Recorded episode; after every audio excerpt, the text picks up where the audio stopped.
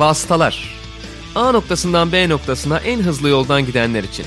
Malisel Işık, Barkın Kızıl ve konukları motor sporları gündemini değerlendiriyor. Vasıtaların 50. bölümüne hoş geldiniz değerli dinleyenler. İspanya Grand Prix'sinin ardından 3. sezon 7. bölümümüzle karşınızdayız. Ben Barkın Kızıl, Malisel Işık'la beraber İspanya Grand Prix'sini ağırlıklı olarak konuşacağız.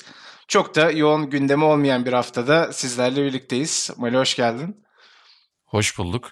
Yani hiç geçişsiz baştan sona sıralamanın konulduğu bir Grand Prix olsaydı biz ne konuşacaktık çok merak ediyorum. Evet ya gerçekten öyle. Şu anda da hani aslında daha böyle genel bir bakış yapacağız gibi gözüküyor. Çünkü gündem maddeleri biraz kısıtlı bu hafta ama yine keyifli bir sohbet sunmaya çalışacağız sizler için. Türkiye Grand Prix haberiyle başlayalım. Çünkü bizi de çok yakından ilgilendiren gelişmelerden bir tanesi. Bu hafta içinde çıkan bir habere göre ki bu haberin doğruluğu da zaten var. Türkiye'den İngiltere'ye giden bütün yolcuların 12 Mayıs çarşamba gününden itibaren 10 gün otelde karantinaya alınması durumu söz konusu. Kırmızı liste denen uygulamaya geçiyoruz Türkiye olarak. Ve bu sebepten dolayı da Türkiye Grand Prix'sinin yapılamayacağı ile ilgili birçok konuşma var. Tabii özel izinler alınabilir mi ya da bir şekilde bu durum idare edilebilir mi? Onu göreceğiz ama Türkiye Grand Prix'sini kaybetme ihtimalimiz, bulmadan kaybetme ihtimalimiz diyelim. Sanki ufukta gözüküyor gibi. Yani evet çünkü asıl olay aslında Şampiyonlar Ligi gibi görünüyor. Yani Şampiyonlar Ligi kesinlikle iki İngiliz takım tarafından İngiltere'de oynanacak gibi görünüyor. Ya o İstanbul'da olmayacak. Ama bir taraftan Türkiye Grand Prix'sine daha çok var. Yani o zamana kadar bu durum değişebilir ama ne olursa olsun lojistik açıdan da son haftaya kadar bu işin muallakta kalma ihtimali yok. Zaten salı veya çarşamba günü Formula 1 bu konuda yani en geç çarşambaya kadar netleşeceğine dair ufak emareler de gösterdiler. Ya ne olursa olsun tabii ki hani eğer Haziran'da olmazsa biz yine ilk yedekte olan pist olacağız gibi duruyor. Ama açıkçası İngiltere'nin bu kırmızı liste uygulaması da birazcık etkilemiş olacak tabii ki. Belki seyircili olma ihtimali vardı. O ortadan kalkabilir olursa da. Göreceğiz. Umuyoruz kalır tabii ki takvimde ama şimdilik biraz böyle senin de dediğin gibi bulmadan kaybetme ihtimalimiz var gibi görünüyor. Umarız en kötü ihtimalle 2021 Türkiye Grand Prix'si ertelenmiş olur diyelim. Çünkü takvimin geri kalanına baktığımızda da yani iptal olma ihtimali olan çok yarış var gibi duruyor. Bize kırmızı listeledilerse Brezilya falan ne durumda olacak o zaman? Oradan Avustralya'ya geçiş falan mümkün değil bence takvimin sonunda. Yani ya Brezilya'ya gitmezler ya Avustralya'ya gitmezler. İptal olabilecek çok yer var. Amerika kendini epey toparladı tabii ki ama yani Texas bu konuda olumlu sayabileceğimiz yerlerden bir tanesi değil. Ne olursa olsun aşılama oranları ne olursa olsun. O yüzden Circuit of the Americas'taki Austin'deki Amerika Birleşik Devletleri Grand Prix'si de belki takvim sonuna doğru gittiğimizde risk altında olabilir. Yani alternatiflere bakmak gerekiyor diye düşünüyorum. Ama birazcık aslında diplomasinin kurbanında olabilecek gibi duruyor Türkiye Grand Prix. Umarız olmaz tabii ki belli olmaz. Ama çok da sevinmiştik geçen hafta. Az mı sevinmemiz lazımdı bilmiyorum. Ama öyle olmaz tabii ki yani. Hani 10 kere gelse 10 kere çok sevineceğimiz bir haber tabii ki bu. Bakalım açıkçası bir hafta içinde olup olmayacağı belli olacak. Çünkü zaten az önce de söylediğim gibi bu lojistik işleri böyle son dakikada gönderilen şeyler değil. Bir yarışa takımlar gidiyorken bir sonraki yarışa bir sonraki yarışın malzemeleri veya ekipmanları gidebiliyor ki genellikle zaten sıkışık takvimlerde özellikle bu sezon 23 yarışın olmasını beklediğimiz en azından öyle planlanan bir takvimde öyle bir durum var. O yüzden kısa süre içerisinde en azından olup olmayacağı belli olacaktır diye düşünüyorum. Yani Günther Steiner de şeyi söylemiş zaten. İngiltere'ye dönmeden 6 hafta takımlar sağda solda kalamazlar. Yani bunu etrafından dönmenin yollarından bir tanesi bu çünkü. İngiltere'ye hiç dönmeden takımlar Azerbaycan, Türkiye Grand Prix'si ve Fransa Grand Prix'lerini arka arkaya teorik olarak götürebilirler ama takımların hiçbiri için bu iyi olmayacaktır. Günther Steiner biraz ondan bahsetmiş. Belki Formula 1 çok kalabalık değil diye çünkü yani Şampiyonlar Ligi'ne buraya gelecek taraftar sayısıyla ki çok ciddi rakamlardan bahsediliyordu. Formula 1'in bütün padoğunun insan miktarı ki bunlardan bir kısmı da aşılanmış e, insanlar. Bütün o e, kişi sayısına bakıldığı zaman da o kadar kritik bir sayı yok. Belki o yüzden Formula 1'e bir istisna yapabilirler. Ama işte bekleyip görmek gerekiyor. Durum ne olacak? Nasıl anlaşacaklar? Ama kırmızı liste durumu Türkiye Grand Prix'sine kadar sürer mi tabii o da bir soru. Belki iki hafta sonra düzelecek ama o iki hafta düzeldikten sonra Formula 1 buraya gelmemeyi tercih etmiş olabilir. Yani Türkiye Grand Prix'si zamanında bence Türkiye zaten İngiltere'nin de çok itiraz edeceği bir durumda olmayacaktır ama o kararın daha erken verilmesi gerekiyor. Az önce bahsettiğim planlama ve lojistik kısmından dolayı Formula 1'de. Yani bir de İngiltere merkezli çok fazla takım olması da aslında belki biraz daha zor hale getiriyor işleri. E, tabii Çünkü, hepsi öyle neredeyse. Evet senin de dediğin gibi hepsi öyle neredeyse ve işte buradan fabrikaya dönüşlerde bu 10 günlük karantinaya bir istisna alamama ihtimalleri var. Sonuçta bir yasa çıkmış oluyor bir anlamda. Ve bunun yanında bir de otel konaklamalarını da seyahat eden kişiler ödemek durumunda kalıyorlar. Böyle de bir zorluğu var bir yandan. Tabii hani Formula 1 takımlarına çok fazla yük olacak bir masraf değil bu ama 10 gün boyunca o çalışanlarından faydalanamayacaklarsa o zaman yani Türkiye'den fabrikaya dönmeleri de çok söz konusu olmayacak. Dolayısıyla bu da yine en düşündürücü kısımlarından bir tanesi diyelim. Umuyoruz ki takvimin en azından daha ilerleyen kısımlarına gider belki yarışımız. Senin de dediğin gibi işte Brezilya iptal olursa belki o şekilde bir çözüm olabilir ama orada da yine transfer mesafesi çok açılmış oluyor. Nasıl bir çözüm olacağını göreceğiz. Bu sezon İstanbul Park'ta Türkiye Grand Prix'sini bakalım izleyebilecek miyiz? Biz de merakla bekliyoruz aslında. Umutla bekliyoruz diyelim ve bu konuyu istersen kapatalım. Hafta içinde çıkan enteresan haberlerden bir tanesi de Grosjean'ın Mercedes'te teste çıkacağıydı. 2019 yılının aracıyla Fransa Grand Prix öncesinde direksiyonda olacak Roman Grosjean. Sonrasında da bir test seansı ayarlanmış durumda kendisine.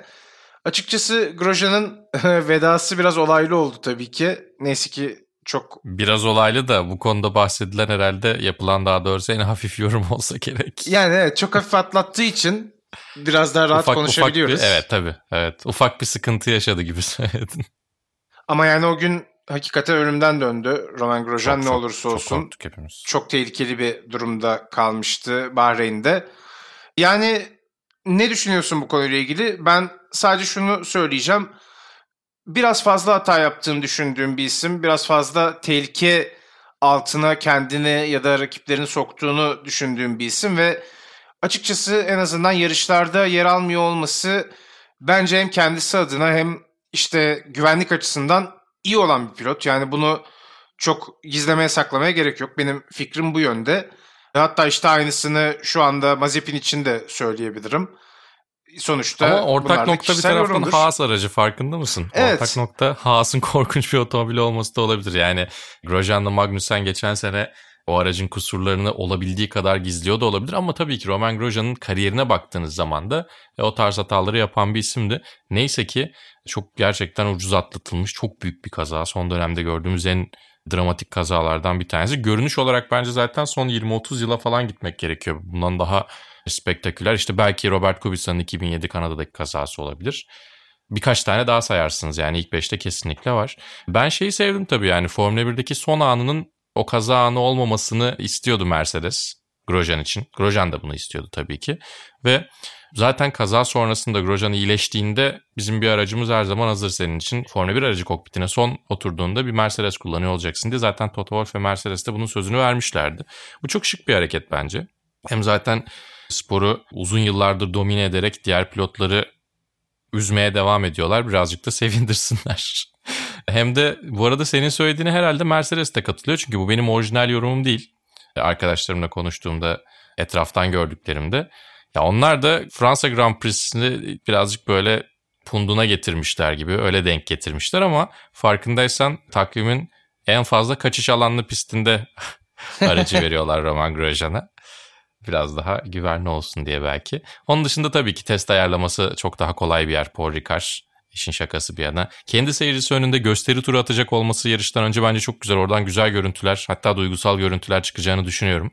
Sonraki hafta aynı pistte teste çıkacak olması da aracı ne kadar zorlayabileceğini en azından o aracın ne kadar iyi olduğunu hissedip belki sonrasındaki açıklamalarda görürüz. Ya bu neymiş uçak yapmışsınız siz tarzındaki açıklamalarında ben bekliyorum Roman Grosjean'ın.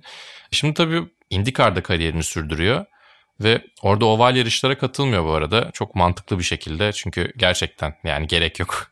o kadar evli çocuklu adamın e, öyle bir risk aldıktan sonra oval yarışlarda yarışmasına gerek yok. Ara ara gerçekten çok tehlikeli şeyler hala görüyoruz IndyCar'da ki çok yakın zamanda Aeroscreen'in de e, hayat kurtardığını gördük. O sadece yol pistlerinde yarışıyor. Öyle söyleniyor. Road courses diye söyleniyor. Bildiğimiz pistlerde yarışıyor yani. Ama IndyCar'da da güzel bir kariyer kendisine inşa edecek gibi duruyor açıkçası. Biraz daha sert kullanıma yol açan, daha doğrusu sert kullanım isteyen, biraz daha araçla güreşmenizi isteyen bir seri tabii ki IndyCar. Onun için de e, daha farklı bir deneyim. Umarız orada tutturur. Oradan tabii spor otomobiller bence daha güzel bir geçiş olur diye tahmin ediyorum. Bakalım ne olacak. Ama kariyerinin bitmemesi de beni sevindiriyor açıkçası Roman Grosjean'ın o kaza sonrasında. Çünkü ya biz tabii ki zaten Roman Grosjean'ın emekliye yakın olduğunu biliyorduk ama ya o kaza yıllar sonra bakıldığında kariyer bitiren bir kaza olmasın isterdik. Öyle de oldu gibi. Yani Formula 1 kariyeri bitti ama zaten Haason'la onlarla devam etmeyecekti. Önceden açıklanmış bir karardı. O açıdan da sevindirici diye düşünüyorum o kazanın Roman Grosjean'ın hem Formula 1'de kariyerini bitirmemiş olması bu testle birlikte hem de kariyerinin başka yerde devam ediyor olması bence güzel. Evet yani senin de dediğin gibi zaten takım bulması da çok kolay gözükmüyordu şu anki griddeki pilotlara da baktığımız zaman. Hani Grosjean'ın bir koltuk bulabileceği hangi takım var diye şöyle bir göz gezdirsek açıkçası pek yok. Yani herkes tercihlerini yapmıştı.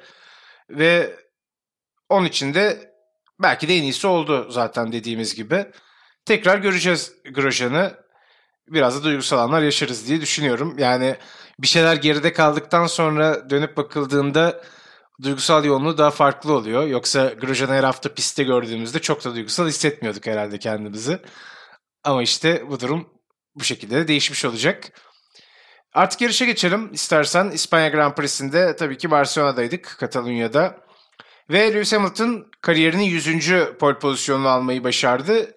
Bu anlamda Michael Schumacher'ın 68, Senna'nın 65 pole pozisyonuyla kendisini takip ettiğini söyleyelim. Seninle de konuşuyorduk az önce. Acaba ikisinin toplamını geçebilir mi diye. Yani eğer Mercedes dominasyonu böyle gidecekse geçme ihtimali de var. Ama Hamilton'ınki de yani inanılmaz bir başarı. 100 pole pozisyonu. Bir daha biz en azından görür müyüz başka bir ismin bu kadar pole pozisyonu aldığını hiç emin olamıyorum. Ya şöyle bir durum var. Mia Schumacher bu rekorları kırdığında ki yarış galibiyeti rekoru da çok acayip bir noktadaydı. Ona daha yeni geçti. Geçtiğimiz yıl geride bıraktı Lewis Hamilton. Pole pozisyonu konusunda çok acayip bir noktaya taşıdı işi. E bu tabii ki tek tur performansıyla ve yani şununla da alakası var. Yarış ayarları ve sıralama turları ayarlarının geçtiğimiz dönemlerde Formula 1'in geçmiş dönemlerinde çok daha farklı şeyler ifade ediyor olmasıyla da alakası var. Ama ne olursa olsun yani Mercedes'in ne kadar iyi bir otomobil olmasını bir kenara bırakmak gerekiyor. Yani 100 pole pozisyonu elde edebilmek şansla veya işte sadece araçla açıklanabilir bir şey değil. Evet Lewis Hamilton'ın her zaman altında iyi bir araç oldu ama Lewis Hamilton'ın o koltuğa oturma sebebi de Lewis Hamilton'ın çok iyi bir pilot olması ve yani 3 haneleri görebilmek benim için çok acayip geliyor. Hala tam olarak idrak edebildiğimizi düşünmüyorum ki 100 galibiyette kapıda onu birazdan konuşacağız zaten. Michael Schumacher de aslında kariyerini noktaladığında daha doğrusu Ferrari kariyerini noktaladığında geri dönmeden önce Washington Wizards zamanından önce yani onun için. Yani o rakamlara kimsenin ulaşamayacağını düşünüyorduk. Şimdi Lewis Hamilton'ın rakamlarına kimsenin ulaşamayacağını ummamız gerekiyor belki. Çünkü e, FIA daha önce domine eden takımları engelleyecek bir yapı ortaya koymayı başaramamıştı. Sadece önde gideni engelleme üzerine. Yani birisi öne çıktığında onu geriye çekme ama diğerlerinin yaklaşmasını sağlayacak bir kurallar bütünü veya bir yapı ortaya koyamıyordu. Şimdi 2022 kurallarından itibaren güç ünitesi değişmeyecek belki ama 2025'te de onu değiştireceğiz. Oradan itibaren daha sağlıklı bir Formula 1 daha sağlıklı bir rekabet göreceksek bu rakamların ulaşılamaması da gerekiyor. Yani bu rakamların olmaması gerekiyor o açıdan bakıldığında. Yani üstün gelen takımı engelleyip başka bir üstünlüğe mahal verebilecek kuralları koruyabilmek çok doğru bir hareket değildi. Çünkü bunu arka arkaya gördük zaten. Ferrari'den sonra Red Bull dominasyonunu gördük. Red Bull dominasyonu biter bitmez de Mercedes dominasyonunu gördük. Bunların spor açısından ne kadar faydalı olup olmadığını da tartışırız. Evet tabii ki tarih yazılıyor burada. Çok önemli bir şey başarıyor hem Mercedes hem Lewis Hamilton. Ama bir taraftan da bu kadar ciddi bir fark olması ki bu sene yine iyi gidiyoruz bak İspanya yarışı hani çok tek düze olabilirdi dedik yine aksiyonlu oldu ama yani bunlar düşünüldüğü zaman güzel bir şey tabii ki. Dediğim gibi tarihe tanıklık ediyor olmak ama sportif açıdan da eksikleri ortaya koyuyor. Bu kadar ciddi bir performans. Ama tabii ki Lewis Hamilton'ın 100 e, pol pozisyonunda gerçekten yabana atılacak bir performans değil ve yani çok acayip. Üç hanelere hem yarış galibiyetinde hem pol pozisyonunda podyumda zaten e, ulaşması çok çok acayip olacak. Yani kariyerini ne zaman bitirecek, ne kadar daha yarışacak.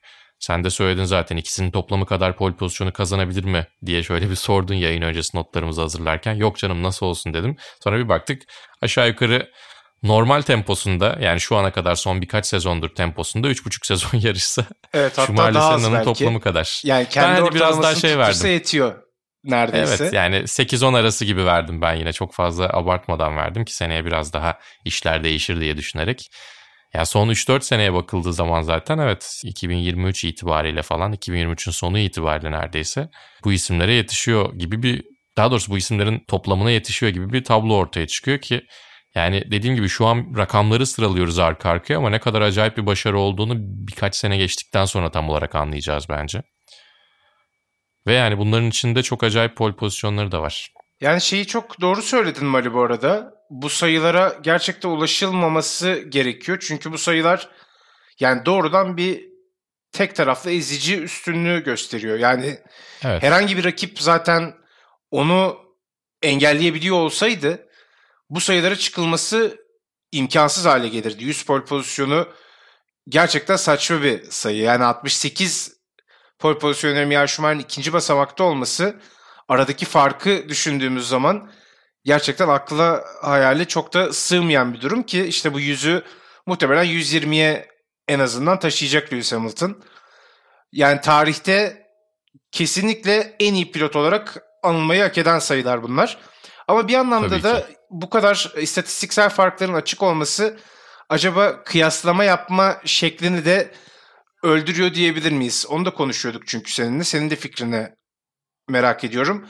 Şöyle ki yani Michael Schumacher, Lewis Hamilton ikilisi Senna'yı da dahil edelim. Bu üç isim muhtemelen Formula 1 tarihinin en büyük kim tartışmalarında her zaman o listelerde yer alacak isimler. Ama sayılara baktığımız zaman Lewis Hamilton hepsinin çok önünde gözüküyor. En azından hani bütün sayıları topladığımız zaman evet yarış galibiyeti sayısı da işte yüzü geçecek. O anlamda da Schumacher'le yakınlar ama bütün sayılara baktığımız zaman Hamilton sanki fersah fersah önde gibi gözüküyor ama bu isimlerden bu kadar önde olmak, sayıların gösterdiği kadar önde olmak gerçekten realistik bir durum mu? Ya da nasıl değerlendirmek lazım? Sen ne düşünüyorsun bununla ilgili? Yani evet kendi başarısının biraz kurbanı oluyor Mercedes'te Hamilton'da ki o yüzden zaten bence sadece düşündüklerinin tersini söylemek için değil ya da böyle bir durum olduğu için değil gerçekten keyif aldıklarını düşünüyorum. Rekabet olduğunda bundan ne kadar hoşnut olduklarını her seferinde dile getiriyorlar çünkü. Ama kendi başarılarının kurbanı olmak da bence çok güzel bir dert. Keşke herkesin derdi böyle olsa. Bütün takımlar böyle bir derde sahip olmak için kim bilir neler verirlerdi.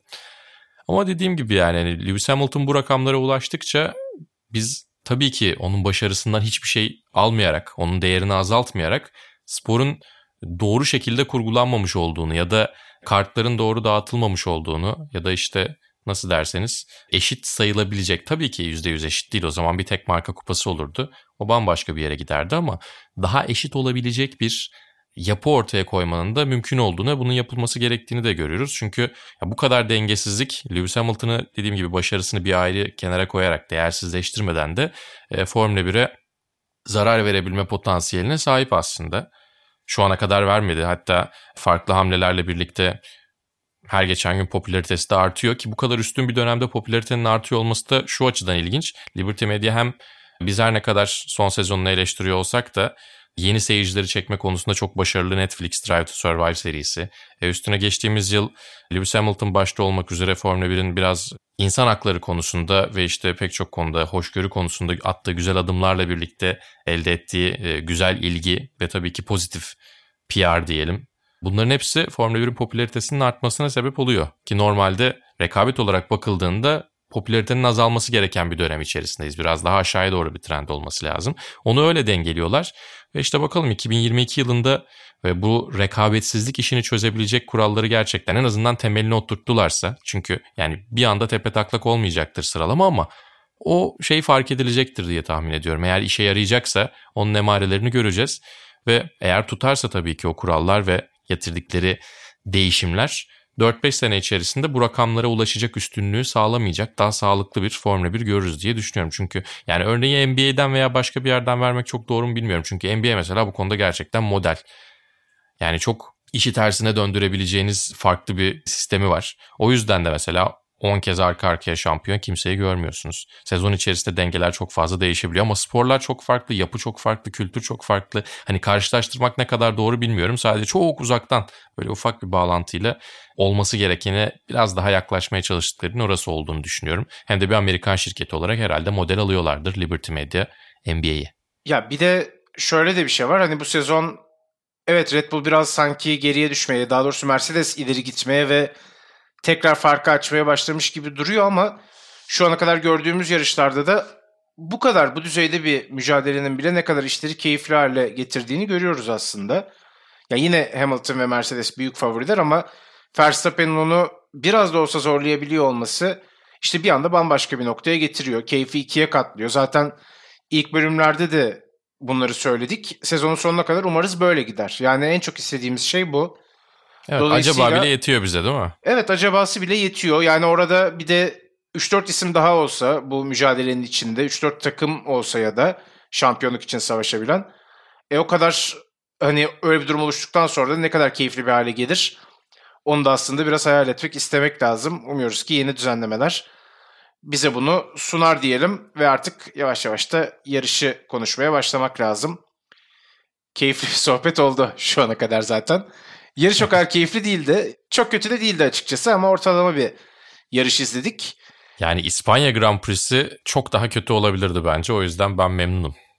Evet zaten şu anda önümüzdeki dokümanın başlığı da bu yönde. Tabi dinleyicilerimiz görmüyor ama standartlarına göre iyi bir İspanya yarışı şeklinde girmiştik biz de. Start heyecanlıydı aslında. Max Verstappen'in iyi kalkışıyla beraber Lewis Hamilton'ı geride bıraktığını gördük. Bu tabii yarışı bir anda keyifli hale getiriyor. Çünkü Mercedes ve Hamilton bu pistte de çok dominantlar. Bu pistin kralı diyebiliriz Hamilton için herhalde. Zaten yanlış bilmiyorsam Michael Schumacher'le de galibiyet sayılarını eşitlemiş oldu Katalonya'daki bu yarışın ardından.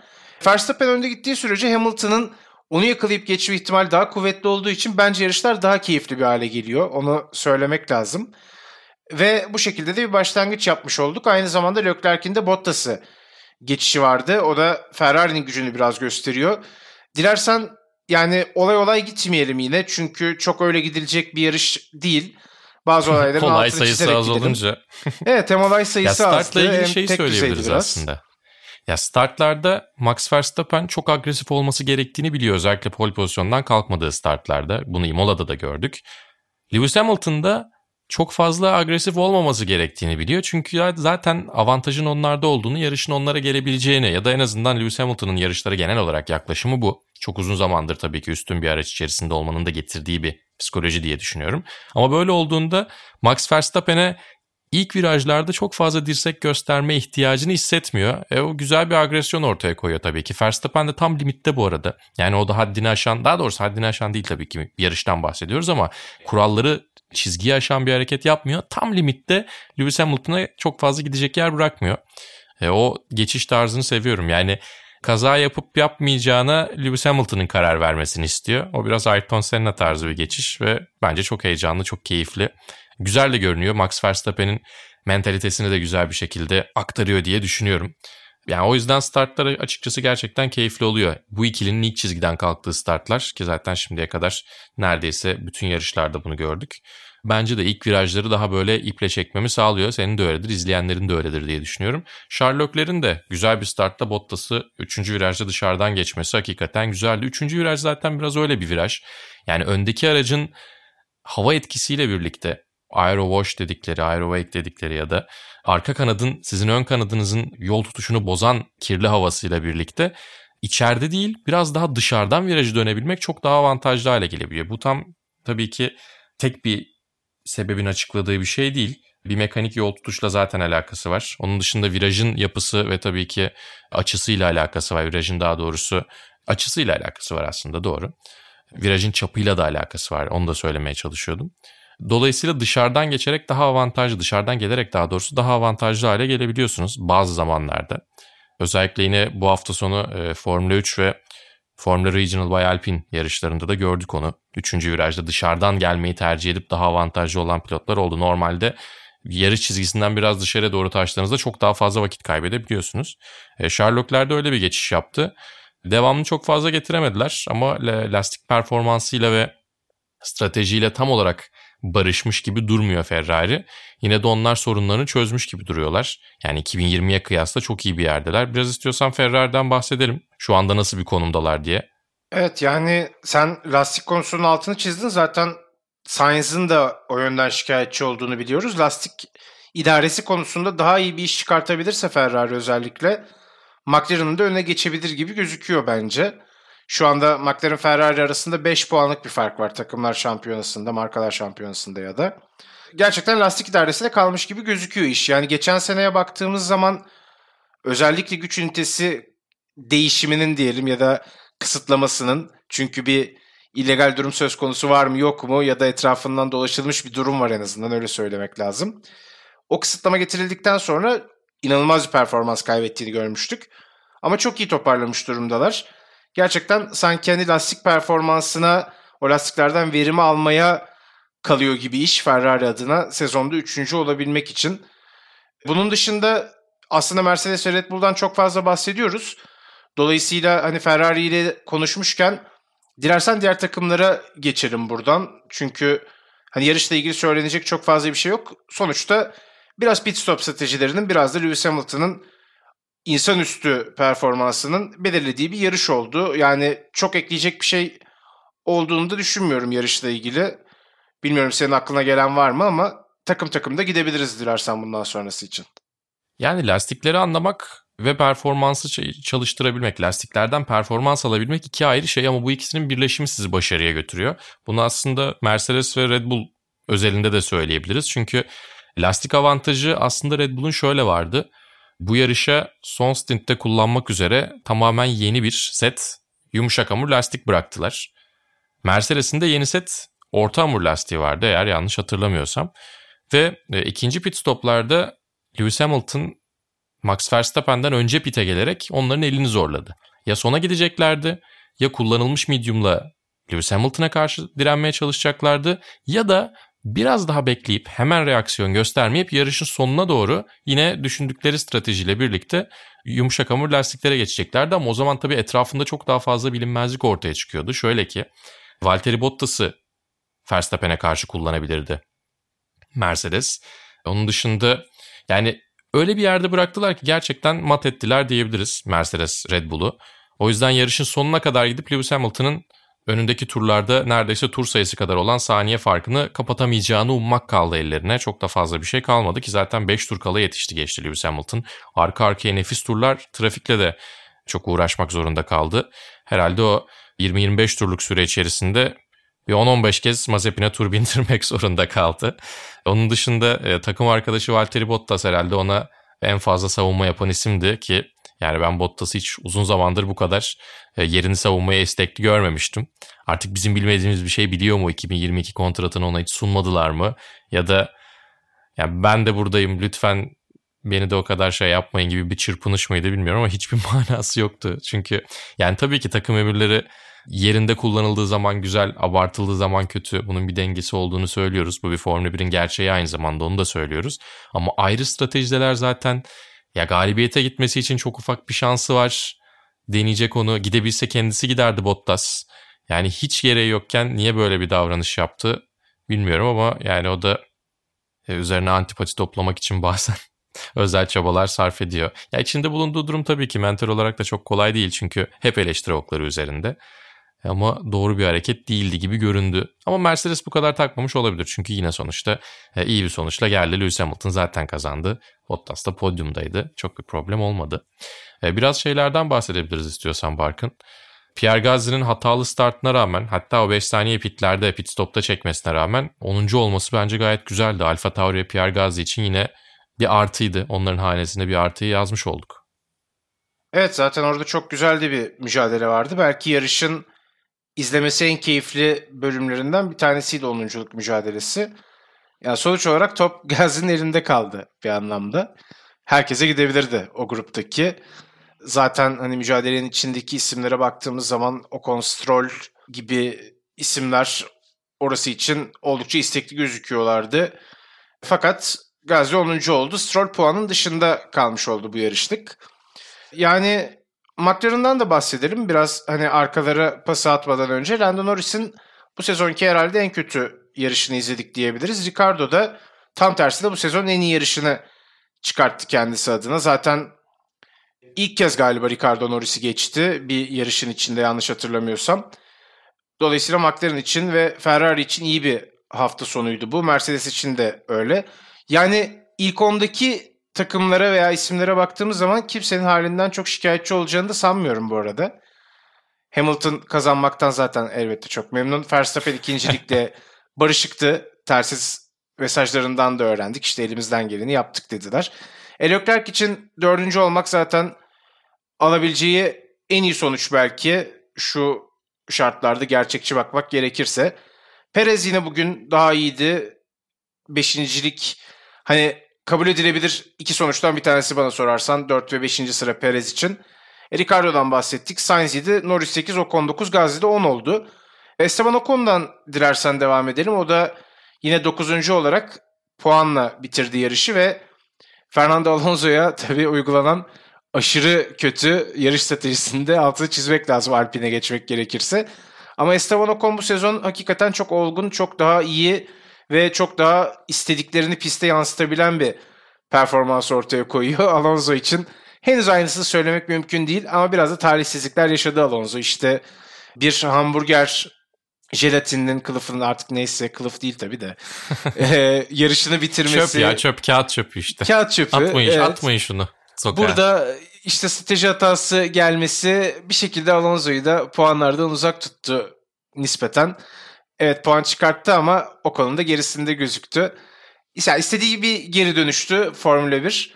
Ama bence Alpine takım potansiyel vaat ediyor. Dolayısıyla Alonso için de işler daha iyi gidecektir herhalde. Evet yani onlar da aslında bak bahsettiğimiz şeyler hep lastikte bitiyor farkındaysan. Şimdi bu seneki lastikleri anlayabildikten sonra takımlar potansiyellerini daha fazla gösterecekler ama Alpine'in özellikle Portimao'ya getirdiği güncellemelerden sonra hızlanması da e, orta sıra mücadelesinin keyiflenmesi açısından bence güzel. Çünkü ellerinde iki gerçekten iyi pilot var. Fernando Alonso zaten ve Esteban Ocon da Alonso'ya karşı gayet iyi bir performans sergiliyor ki herhalde e, Alonso'nun karşısındaki uzun zamandır gördüğümüz en iyi genç pilot olabilir. Lewis Hamilton'dan bu yana desek acaba olur mu? Yine olur. Çünkü genç pilot çok fazla karşılaşmadı zaten. Yani öyle bakıldığı zaman evet yani yarış stratejisi fazla iyimserdi ama şu an zaten kumar oynayabilecek noktadalar gibi. Çünkü öndekilere yetişmeye çalışıyorlar Alpin. E arkasında Alfa Tauri ve Aston Martin var ama ya çok da onları tehdit edebilecek bir yerde değiller. Burada biraz orta sıranın ortasında gibiler. O yüzden bu riskleri alabiliyor olmaları çok kötü değil. En azından ilk başlarda deneyeceklerdir bunları. Ama yavaş yavaş önlere yaklaşırlarsa, sezon içerisinde podyumlar görürlerse birkaç kez geçtiğimiz yılki kadar sürpriz podyumlar orta sıra takımlarına dağıtılacaksa eğer bir iki tanesinin de Alpine denk gelme ihtimali ben çok düşük görmüyorum özellikle sezonun ortasından sonra. Böyle olduğu zaman biraz daha lastik aşınmalarını, lastik harcamalarını, lastik kullanımını daha doğrusu çözmeleri gerekecek. Ama dediğim gibi bu sadece Alpine'in derdi değil. Bu aynı zamanda McLaren'ın ve Ferrari'nin hatta zaman zaman Red Bull'un ve belki de Mercedes'in dahi düşünmesi gereken şeyler. Ama şu ana kadar Alpine'in en azından sezona başladığı performanstan daha yukarıya gelmesi e, orta sıra mücadelesi için oldukça güzel. Umarız böyle devam ederler. Umarız hatta Aston Martin de problemlerini birazcık çözer. Tabii ki onların kumarı geçtiğimiz yıl tutmuştu. Bu yıl tam tersi oldu. E, az önce bahsettiğimiz şey aslında eğer öndeki takımı kendinize örnek alırsanız öndeki takıma ket vurulduğu zaman size belki iki katı vuruluyor. Çünkü siz aracı tam olarak anlayamayabiliyorsunuz öndeki takım Mercedes yani aracı tam olarak anlayarak geliştiriyor. Siz ondan biraz bakarak yapıyorsunuz. O yüzden problem çözme kısmında çok daha fazla avantajlı oluyor onlar. Hem tabii ki Mercedes oldukları için ama tabii ki bir taraftan da eser sahibi oldukları için. E, siz kendiniz e, düzeltmeye çalıştığınızda işler çok daha farklı bir noktaya gidebiliyor. Yani o yüzden onlar çok çok iyi değiller gibi ama Vettel gerçekten çok kötü. Yani Lance Stroll yine bir şekilde az önce bahsettiğimiz işte orta sıranın son bölümünde mücadele edebilecek bir yapıya sahip gibi görünüyor. Ama Sebastian Vettel'de ciddi bir mental problem var. Tabii ki araç yeni olduğu için ona hazırlanması, alışması gerekiyor. Neredeyse takım değiştiren ya da takımında yeni olan pilotların tamamının böyle problemler yaşadığını gördük. Ama sanki biraz spor psikolojisiyle de alakalı gelişmesi gereken bir yer var. Bir spor psikoloğuna da ihtiyacı var gibi görünüyor. Çünkü bazen bak sıralama turlarında güzel şeyler yapıyor. En azından bir iki kere görmüş olduk. Bir kere görmüş olduk. Yani potansiyel var ama çok iyi denk getirmek gerekiyor belki de. Dediğim gibi belki de bir şeyleri kafasında en azından değiştirmesi gerekiyor. Ben dört kez dünya şampiyonluğu öyle gördüğümde üzülüyorum doğrusu. Ama bir taraftan gerçekten artık Formula 1 kariyeri de düşünmemesi gerektiği ya da başka yerlere bakması gerektiği bir hale gelmiş olabilir Sebastian Vettel için. Bunların hepsini sezonun sonlarına doğru konuşmak lazım belki. Evet bu arada bence de çünkü alışma süreci zaten söz konusu. Ya şimdi bugünden baktığımız zaman Alfa Romeo, Haas ve Williams'larla beraber puan alamayan tek isim Sebastian Vettel.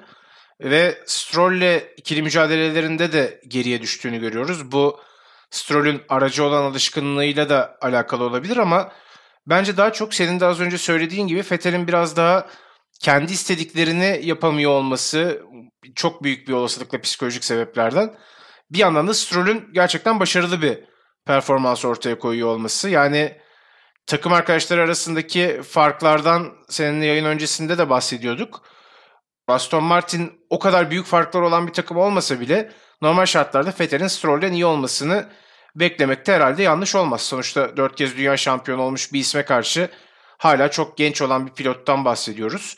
Ama pist üstünde çok böyle olmadığını şu ana kadar gördük ve sanki görmeye de devam edeceğiz gibi geliyor bana. Hem dediğim gibi Stroll'ün iyi performansından hem de Vettel'in çok güven vermeyen performansından dolayı.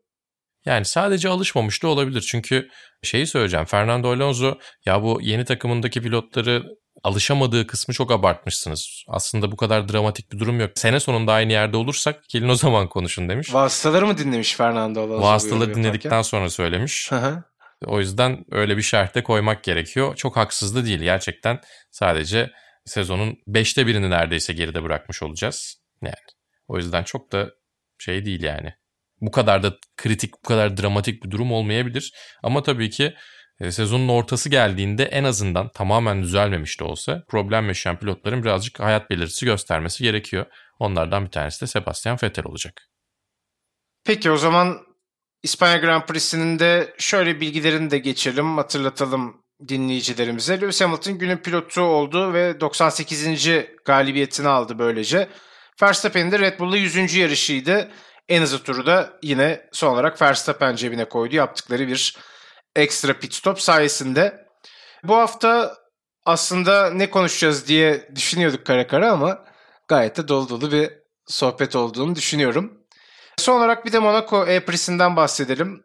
Formula E'de ilk kez Formula 1 pisti layout'unda geçiren bir Formula E yarışı izlemiş olduk. Bir E-Prix izlemiş olduk. Bu Formula E'nin araç geliştirme, işte batarya mesafesini arttırabilme, bataryayla tek kullanımlık bir bataryayla gidilebilecek mesafeyi arttırabilme konusunda ne kadar önemli bir yol kaydettiğini, mesafe kaydettiğini gösteriyor bizlere. Bu anlamda Formula E için önemli bir yarış hafta sonuydu. O yarıştan da şöyle bir ufak bahsetmek isterim.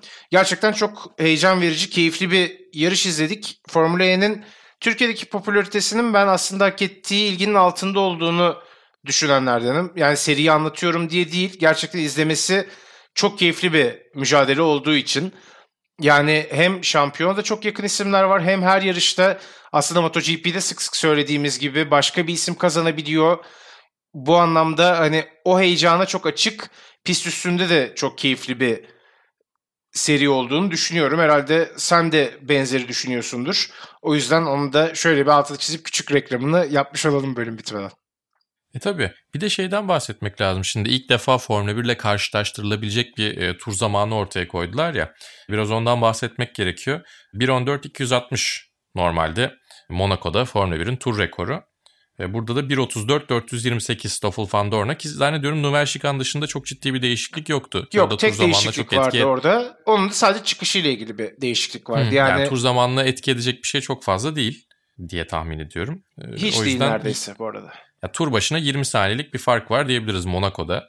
Formula 1 ile Formula E arasında. Yine karşılaştırma yapmak gerekiyorsa e, Formula 2 ile de aralarında yaklaşık 13 saniyelik bir fark var. Yine siz de araştırıp bakabilirsiniz. Bu tabii ki çok ciddi bir zaman farkı. Ama ilk zamanlarından buraya gelindiğinde de özellikle de yani yarışın başından sonuna tek araçla gidilebilen bir noktaya geldik ki e, bir sonraki jenerasyonla birlikte hem e, menzil çok daha, çok daha fazla artacak hem hızlar daha fazla artacak. Belki daha fazla motor sporları pisti kullanacaklar. Sokak pistlerinden de uzaklaşabilecekleri bir rahatlık verecek, bir özgüven verecek Formula E'ye bu.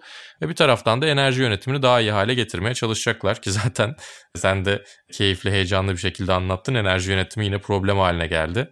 Son turlarda bataryayı izin verilen seviyeye indirmemek için daha doğrusu izin verilen seviyeyi aşmadan o seviyede tutabilmek için galibiyetlerinde verildiğini gördük. Hatta ikinciliği de verdiler. Evet aynen öyle Mitch oldu. Evans ve Jaguar çizgide verdiler. Şunu da söylemek lazım. Hani Monaco pistinde biz en çok Formula 1 yarışı izlemeye alışkınız ne olursa olsun. Evet diğer serileri de takip ediyoruz ama izlediğimiz Formula 1 yarışlarında da hani sezonun en geçişli en heyecanlı yarışlarını ortaya koymuyor Monaco pisti ama Formula E'de öyle bir durum oluyor ki hem araçlar daha küçük hem daha agresif yarışılan bir seri kesinlikle. Çok fazla sayıda geçiş vardı. Yani belki Formula 1'de son 5 sezonda Monaco'da yapılan geçiş kadar geçişi tek bir yarışta izliyoruz. İşte bunda atak modunun, fan boost'un, bu uygulamaların da önemli bir artısı var kesinlikle. Ama eğer böyle geçişli, heyecanlı, kimi kazanacağının belli olmadığı bir seri izlemek istiyorsanız Formula'ya bence sizin için oldukça uygun. Hazır Monaco'yu da geçmişken ondan da bahsetmiş olalım dedik programı kapatmadan hemen önce ve böylece de bölümü yavaş yavaş noktalayalım artık.